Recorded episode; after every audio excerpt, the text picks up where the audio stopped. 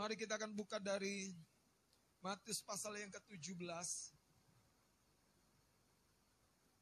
Saudara, Matius pasal yang ke-17 ayat yang ke-20.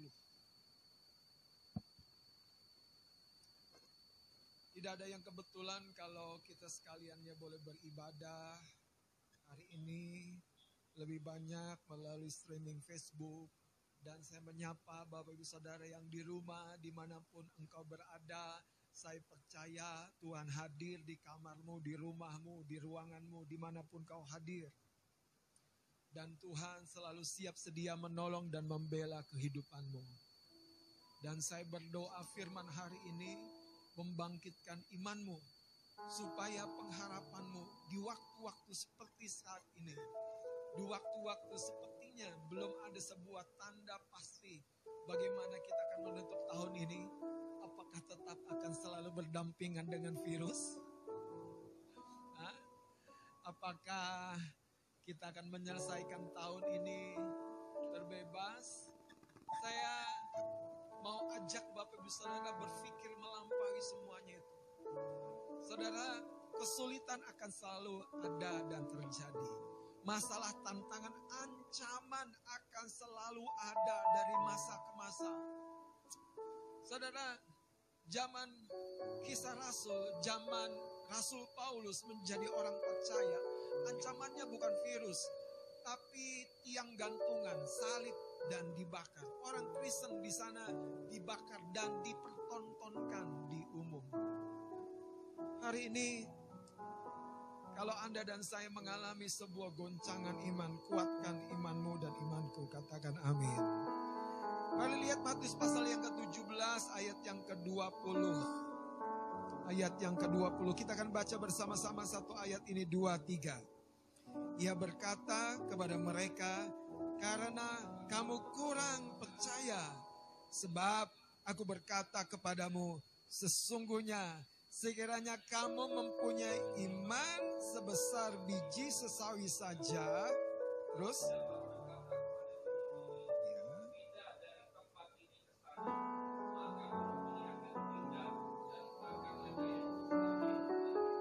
Haleluya.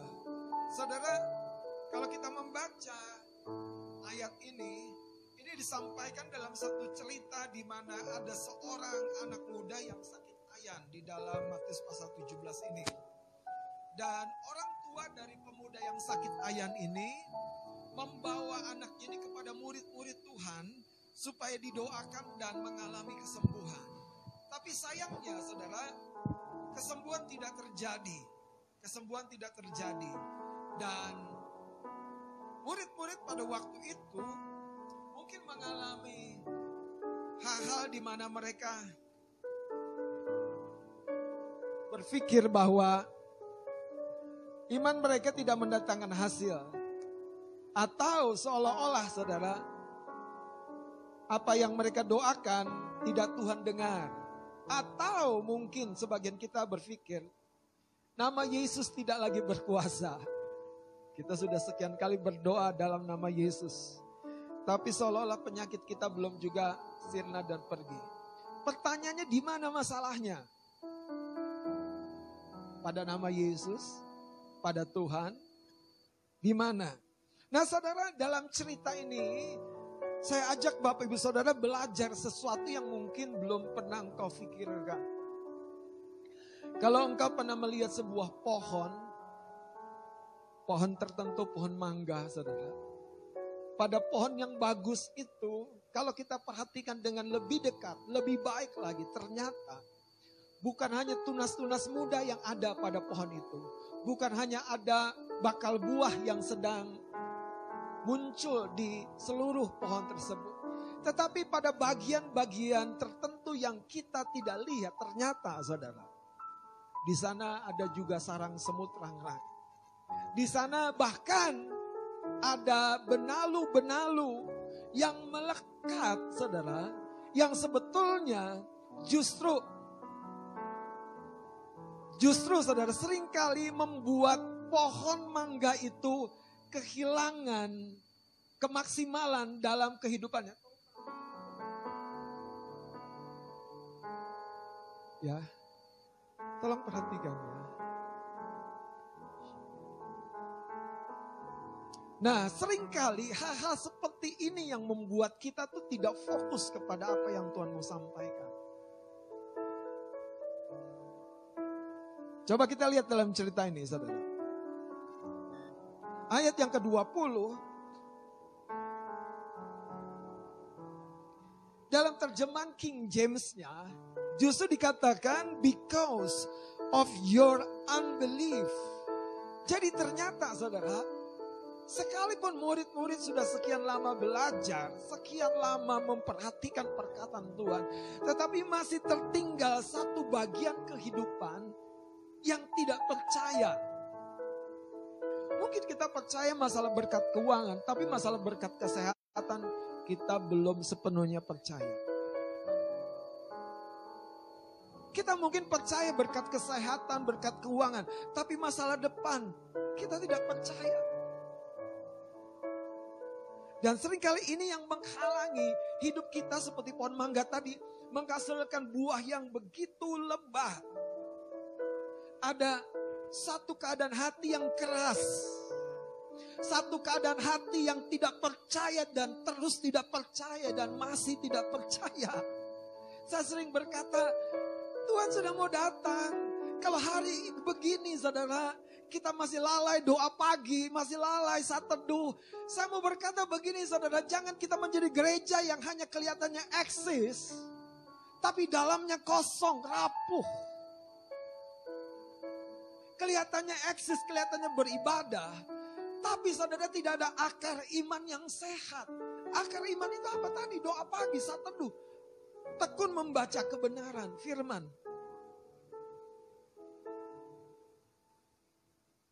Saudara, lihat ayat yang ke-20. Ayat yang ke-19 dulu saya baca. Kemudian murid-murid Yesus datang dan ketika mereka sendirian dengan dia, bertanyalah mereka, "Mengapa kami tidak dapat mengusir setan itu?" Jadi ini bukan masalah lama sebentarnya jadi orang Kristen. Tapi apakah kita suka memeriksakan hati kita? Seperti tadi pohon mangga kelihatannya daunnya bagus, hijau, tumbuh. Tapi ternyata ada benalu di bagian sisi yang lain dari pohon mangga tersebut. Bahkan saudara ada banyak hal gangguan-gangguan pada pohon tersebut. Nah itu yang kita harus bereskan pada pagi hari ini. Itu sebabnya khotbah kita pada pagi hari ini saya beri judul di opposite. Atau saudara lawan daripada iman. Kalau Anda pernah dengar kata oposisi, itu biasanya digunakan di perpolitikin, perpolitikan dan pemerintahan. Saudara. Ada dua kubu, yang satu ngomong begini, yang satu ngomong begitu. Yang satu ngomong baik, yang satu ngomong negatif. Ada juga istilah-istilah black campaign, kampanye hitam. Sehingga yang satu akan menjelekkan, menegatifkan yang satu. Setan dan dunia ini, bahkan kedagingan kita akan selalu berupaya saudara menjadi oposisi. Oposit, lawan dari iman yang sedang ditumbuhkan. Bayangkan saudara, saya berupaya mengajar tetapi Anda tidak memperhatikan kebersihan iman Anda. Apa yang terjadi? Sebanyak apa pun susu diberikan, sebanyak apa pun makanan bergizi disampaikan, habis saudara. Habis. Karena kita membiarkan satu ketidakpercayaan dalam bentuk-bentuk yang merapuhkan iman kita.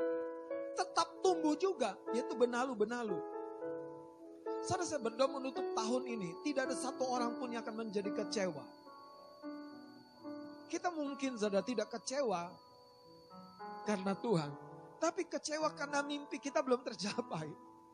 Tujuan kita belum teraih. Dan satu hal saudara, Tuhan mau memberikan kerinduan hatimu. Dia mau memberikan kerinduan hati kita. Dia Bapak yang mau pengen anak-anaknya itu suka cita. Saya tidak pernah berpikir Samuel, saya kasih handphone yang butut, yang yang yang membuat dia apaan nih, marah, kecewa, dan tidak berguna. Contoh ya.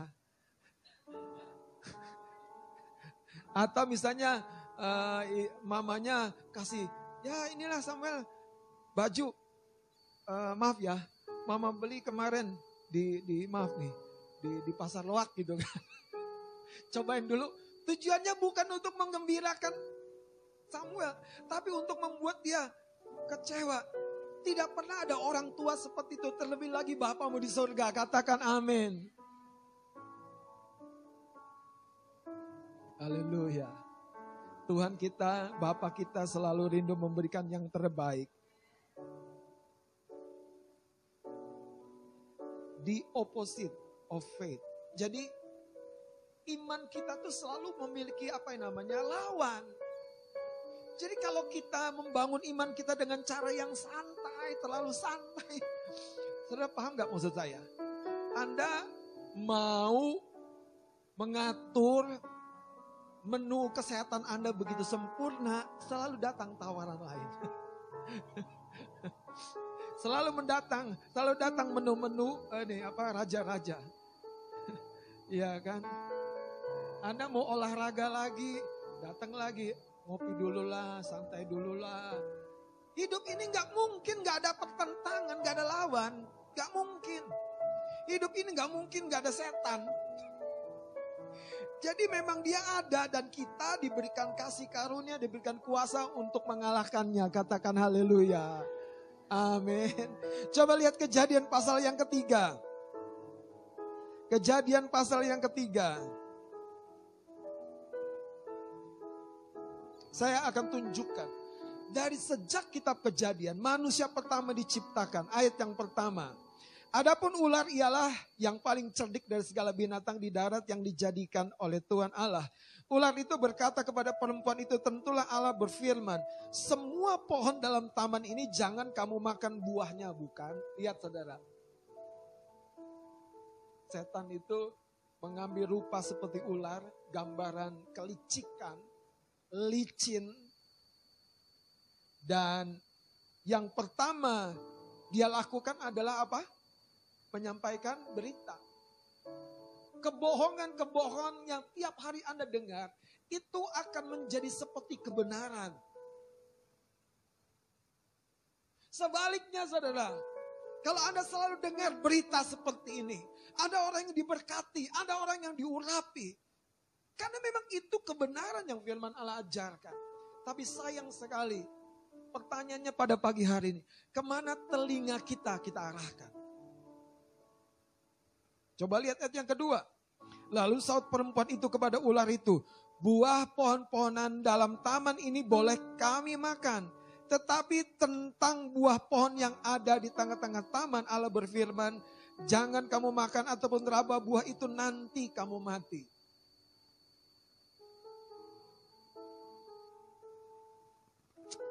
Sayangnya saudara, kalau kita tidak sungguh-sungguh mengenal perkataan Tuhan, tidak heran hidup kita akan mulai dipenuhi dengan asumsi, pikiran, perkataan-perkataan yang membuat kita jadi goyah.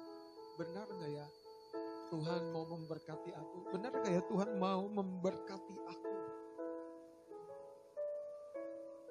Sayangnya, kita mendengar berita baik, tapi kita biarkan berita buruk datang. Kita dengar kabar iman, kita biarkan juga kabar orang-orang yang tidak percaya kepada Tuhan masuk ke dalam diri kita. Kita biarkan bahkan benih yang baik masuk, tapi benih yang buruk pun kita tidak tolak. Inilah kehidupan Lot. Lot beda dengan Abraham. Abraham pisahkan dirinya dari orang-orang fasik. Lot sebaliknya, dia pilih satu tempat lembah dekat Sodom dan Gomora. Faktornya sederhana. Karena di sana airnya, sungainya bagus, rumputnya hijau dan itu cocok untuk ternaknya yang banyak. Kekasih-kekasih Tuhan. Kita harus belajar mendengar. Bukan hanya yang berdasarkan dari perhitungan-perhitungan materi. Tapi dengar apa yang roh Tuhan di dalam hatimu Sampaikan di dasar hatimu. Cerita ini menjelaskan setan selalu berusaha datang. Berusaha datang dan berusaha datang. Matius pasal 4 di gunung pencobaan Yesus berpuasa dan setan mencobai. Jadi siapa bilang saudara orang berpuasa setan takut? Nyatanya di Matius pasal 4 setan malah datang Yesus ketika Yesus puasa 40 hari. Saya mau bawa Anda dan saya dengan cepat saudara. Di sinilah masalahnya saudara. Kita sering kali dikalahkan. Kenapa? Karena kita tidak membersihkan hal-hal yang menjadi oposisi iman kita. Yang menjadi perlawanan. Oposisi artinya yang menentang, yang berbeda, yang melawan. Haleluya. Saudara mari buka kitab Yakobus pasal yang pertama. Yakobus pasal yang pertama. Yakobus pasal yang pertama ayat yang ke-6 sampai yang ke-8.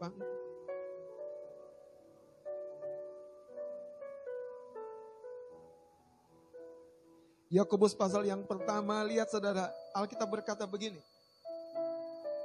Hendaklah ia memintanya dalam iman. Jadi bukan sekedar sebuah keinginan. Ada iman, dalam iman kita meminta. Dan sama sekali jangan apa? Pertanyaannya, kenapa kita kadang-kadang bimbang waktu berdoa? Karena dikatakan begini, sebab orang yang bimbang sama dengan gelombang laut yang diombang-ambingkan kian kemari oleh angin. Ayat tujuhnya dengan tegas berkata apa? Orang yang demikian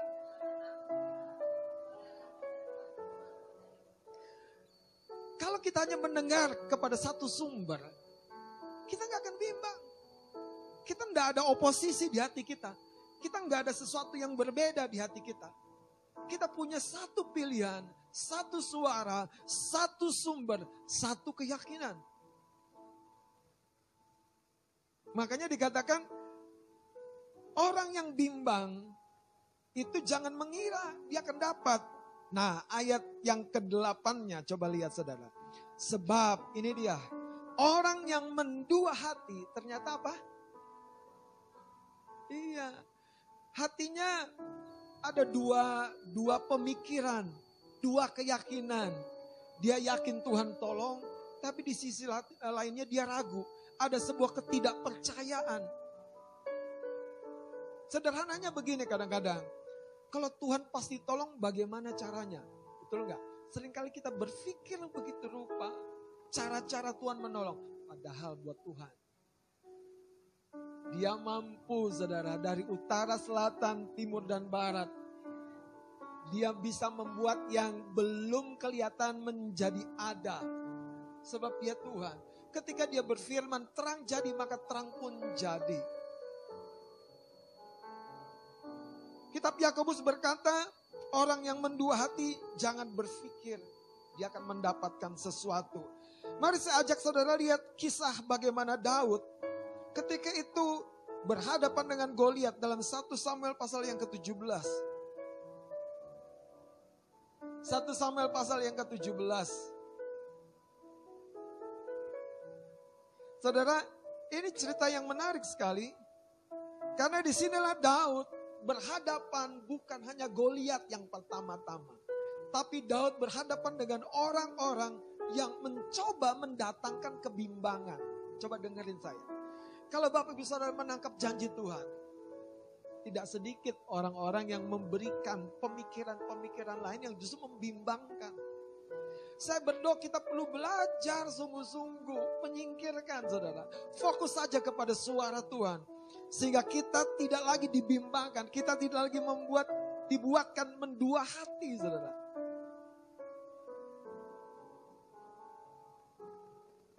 Satu Samuel pasal yang ke-17. ayat yang ke-32. Berkatalah Daud kepada Saul, janganlah seorang seseorang menjadi tawar hati. Jadi Daud ini mantap. Teguh. Dia berkata, janganlah seseorang menjadi tawar hati.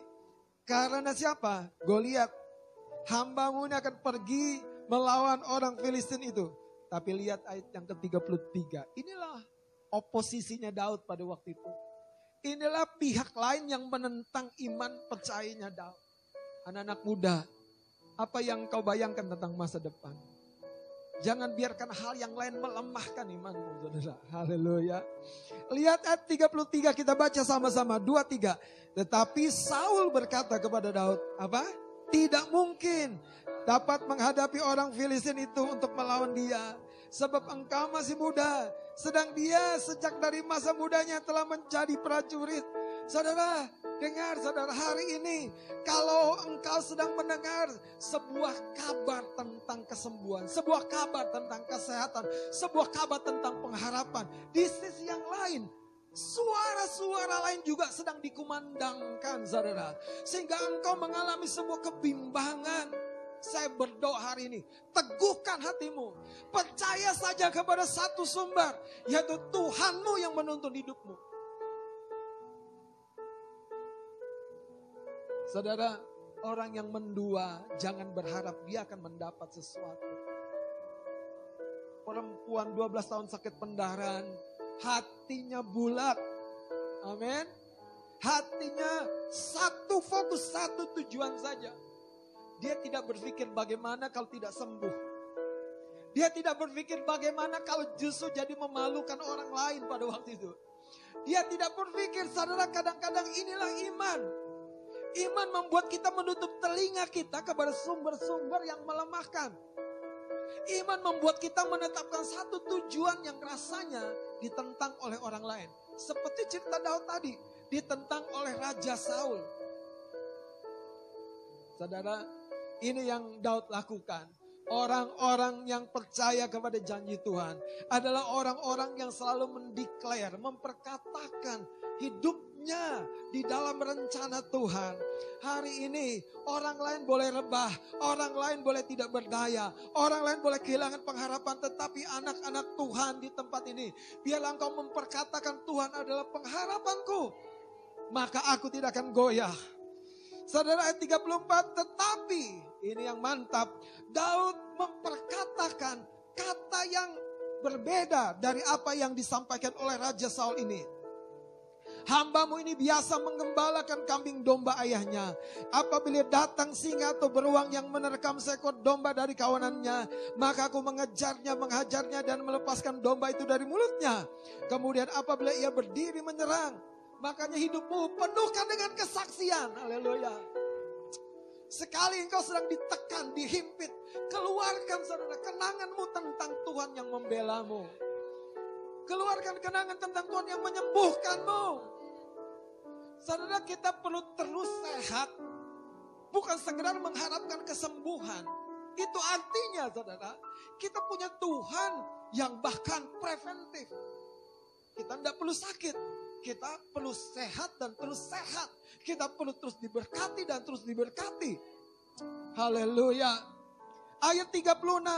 Baik singa maupun beruang telah dihajar oleh hambamu ini. Haleluya. Ada punya, Anda punyakah perkataan-perkataan seperti Daud ini? Singa atau beruang telah dihajar oleh hambamu ini. Punya sebuah keyakinan yang mantap. Bulat hatinya. Artinya apa? Singa beruang aja aku hajar. Yang satu ini siapa? Iman yang seperti ini saudara, iman yang mampu menolak tadi oposisi. Saul berkata, tidak mungkin Daud kau masih terlalu muda, terlalu remaja, terlalu kecil. Engkau tidak punya pengalaman. Tetapi Daud berkata begini, singa dan beruang aku hajar.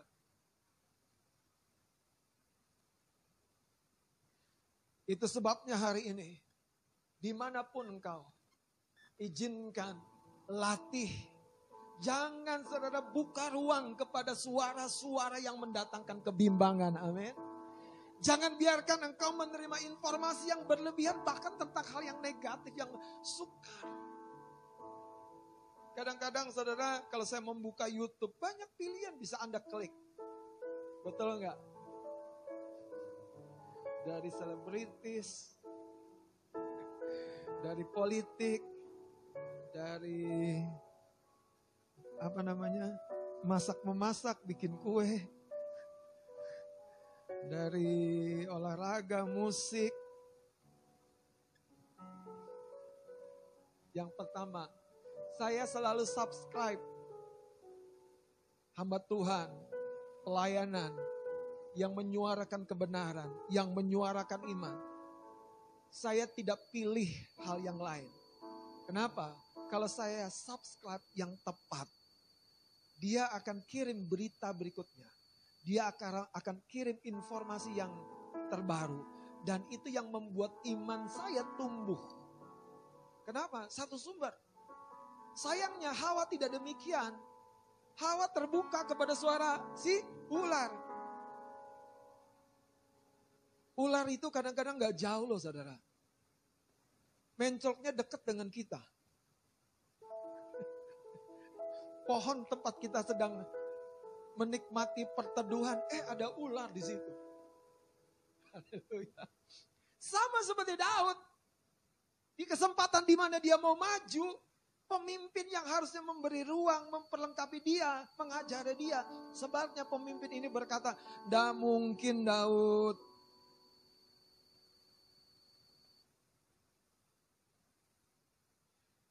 Mari lihat saudara apa yang kitab Roma pasal 10 ayat 17 katakan.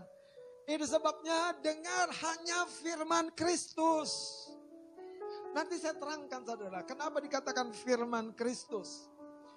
Ini saudara sesuatu yang berbicara tentang apa yang roh kudus taruhkan di hatimu. Itu yang akan membuat engkau punya satu kapasitas iman untuk melihat apa yang kau perkatakan jadi, apa yang kau doakan terwujud, apa yang kau lepaskan sedangkan hidup.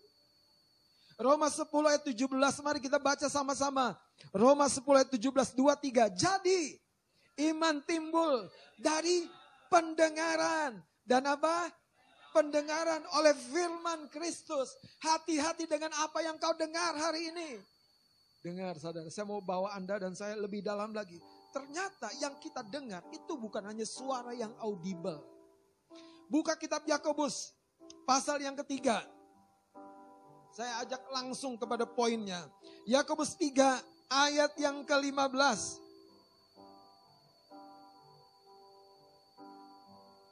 Yakobus 3 ayat yang ke-15.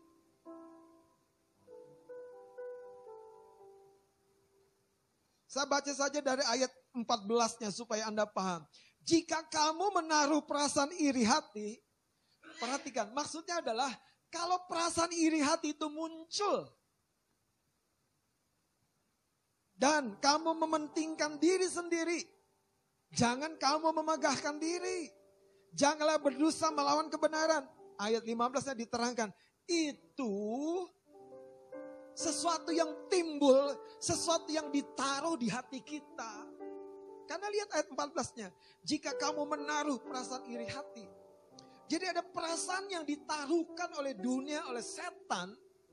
Namanya apa? Iri hati. Itu oposisi iman. Dikatakan begini, itu bukanlah hikmat yang datang dari atas, tetapi apa? Dari dunia. Yang pertama, yang kedua dari dari nafsu manusia, dari apa kedagingan. Yakobus ini mengajar tentang doa. Kenapa kalau doa kita tidak dijawab? Salah satu alasannya yang kita minta itu kita ingin habiskan untuk hawa nafsu kita. Artinya apa? Minta segala satu untuk memuliakan nama Tuhan. Amin. Saudara minta dong. Apa pun ujungnya nama Tuhan dipermuliakan. Tuhan berkati aku dengan rumah yang di dalamnya nanti namamu dipermuliakan. Segala sesuatu saudara minta. Terus dikatakan yang ketiga, yang pertama dari dunia, dari hawa nafsu manusia. Yang ketiga dari setan-setan. Dari setan-setan. Dan ini bisa timbul di hati kita. Ini yang melemahkan imannya Hawa. Dia dengar suara Tuhan. Tetapi kemudian seiring dengan waktu dia dengar juga suara ular berbicara. Hari ini kadangkala kita sungguh-sungguh di dalam Tuhan. Kita beribadah tiap-tiap minggu. Di sisi yang lain kita tidak sadar. Di lingkungan kita, di pergaulan kita, di pertemanan kita, di tempat kita bekerja, kita biarkan telinga hati kita dengarkan. Terbuka kepada informasi-informasi yang apa? Melemahkan iman kita. Saudara, Daud memperkatakan apa yang akan terjadi. Bukan memperkatakan situasinya. Iya ya, gue lihat ternyata gede banget ya. Waduh, aku masih kecil banget, aku nggak mungkin.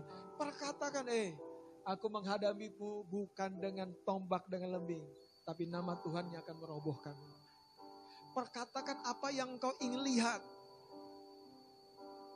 Saudara, kalau informasi yang kau tangkap hanya seputar seputar corona virus.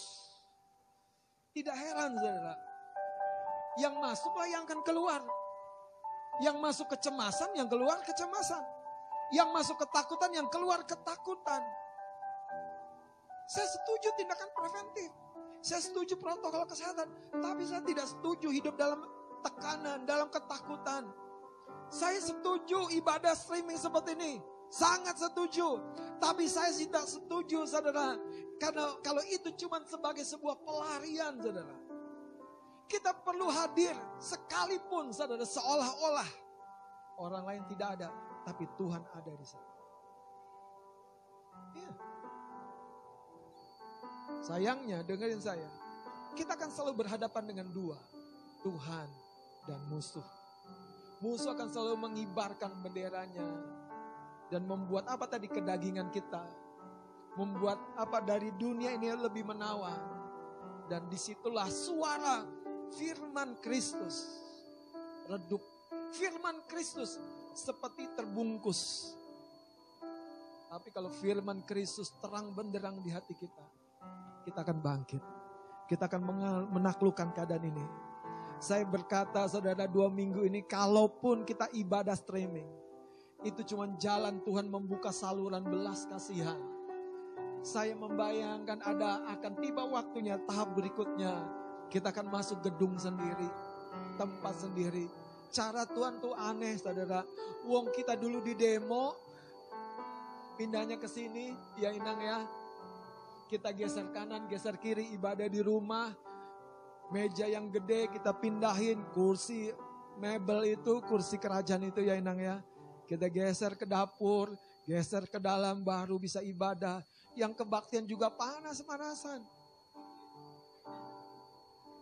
Mas Adit belum ada.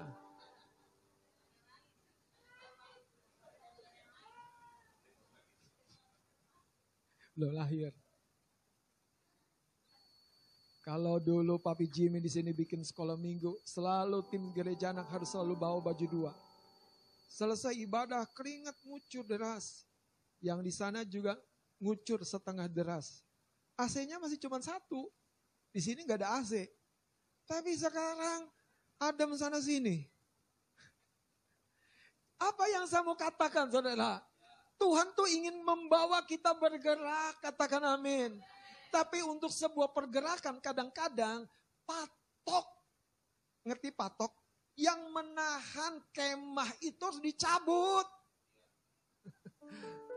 Baru Anda bisa bergerak. Kak Ani mungkin terlalu nyaman di Wakeni. Ini waktunya dia berkata Tuhan Wakeni adalah baru satu satu tempat yang Tuhan percayakan. Mungkin Tuhan nanti munculkan bidang-bidang yang lain dalam hidupnya. Teman-teman, Tuhan tuh Tuhan yang kreatif. Amin. Iya, saya ingat waktu di demo dulu saudara teman-teman yang satu komplek pondok cabai mutiara itu. Waduh, rasanya habislah sejarahnya GP GP Tanah Kusir dulu. Habislah kisahnya. Di sanalah kita main volley, di sanalah kita masak memasak di ruko tersebut, saudara. Padahal cerita itu berlanjut. Dulu belum ada Mei. Sekarang dia hadir di sekretariat. Saudara hidup ini bergerak, katakan haleluya. Makanya jangan tahan Tuhan yang mau membawa kita bergerak. Kenapa? Karena kita mau nyaman, mau aman. Saya pernah bilang sama Kani sama Mas Adit, siapkan tim, tim musik dua, jangan satu. Bergerak, bergerak saudara. Kenapa? Yang senior-senior, sampai kapan kita mau bertahan? Yang junior ini harus dibangkitkan. Iya. Coba saudara, saya bilang Kalau kemarin Pak dia harus gotong speaker dari lantai 4 itu turun ke bawah. Masih Pak D yang 60 tahunan lebih itu harus gotong speaker. Gak malu yang muda-muda. Gak punya hati, gak punya perasaan. Saya berdoa kita hari ini bertobat. Kita tahu Tuhan ingin bergerak, tapi yang menahan apa? Perasaan aman, nyaman kita kita tidak lihat targetnya itu kemuliaan. Makanya apa? Tuhan ingin membawa umat Tuhan ada di tanah kanan dan dia juga ada di sana bersama dengan umatnya. Saya percaya saudara, bulan-bulan Desember yang sebentar lagi kita masuki ini, bulan penuh keajaiban. Tanggal 23 Desember, saya ingat saudara, pada waktu kamar Pak D dan Kak Nani itu masih dikontrak orang lain. Kita doa. Saya bilang sama Kak Nani, kita doakan ya, kamar itu penting buat kita. Karena persis di sebelah sekretariat, kita perlu kamar itu. Masih ada yang ngontrak. Kita doanya bagaimana? Tuhan pindahkan dong yang ngontrak ini ke tempat yang lebih baik.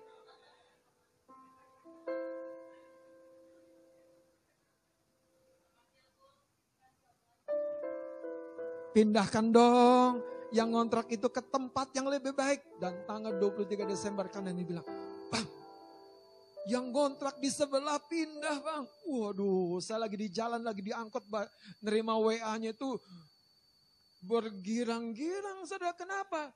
Karena itu yang saya yakini. Kenapa? Alkitab yang berkata, Tuhan memberikan tanah orang Amori, tanah orang Yebus. Ah, itu tanah kanan, itu tanah perjanjian, bukan tanah kosong bukan tanah hutan, itu kota-kota. Jadi apa? Kalau Anda mau berdoa, yakini sesuai dengan firman Allah. Haleluya. Puji Tuhan. Saudara percaya, percaya, percaya. Karena itu saya tutup suara-suara lain yang melemahkan saya. Saya hanya buka suara yang satu, yaitu pengalaman saya bersama dengan Tuhan yang baik. Jangan kalau Anda pulang kampung, pulang kampung kere. Pulang kampunglah dengan penuh kesaksian. Dan balik kembali ke pelayanan. Jangan babak belur. Dilucuti setan. Duitnya habis. Semangatnya habis. Kebingungan Kembalilah ke pelayanan penuh kesaksian. Orang tua Anda di kampung dengar kesaksian Anda. Jadi orang yang hidup syaratnya cuma satu saudara. Anda harus tahu hidup ini bukan hanya bicara tentang ada Tuhan. Tapi ada musuh, ada setan, ada berita buruk. Sementara kita dengar berita baik. Makanya saya mengajak murid-murid Tuhan dengar. Jadilah orang yang terhubung dengan firman setiap hari sepanjang minggu. Kalau Anda hanya dengan firman khotbah, mungkin 40 menit, 45 menit, selepasnya Anda dengar berita buruk dari dunia ini. Apa yang terjadi? Habis kita, habis. Dengar. Perkataan Tuhan itu seperti jubah dikenakan kepada kita. Tapi sementara dunia akan melemparkan kotoran. Kotoran. Itu sebabnya tiap-tiap pagi Anda harus bangun dan berkata Tuhan, baharui aku buat aku mengalami persekutuan yang lebih dalam lagi dengan Engkau. Mari kita bangkit berdiri.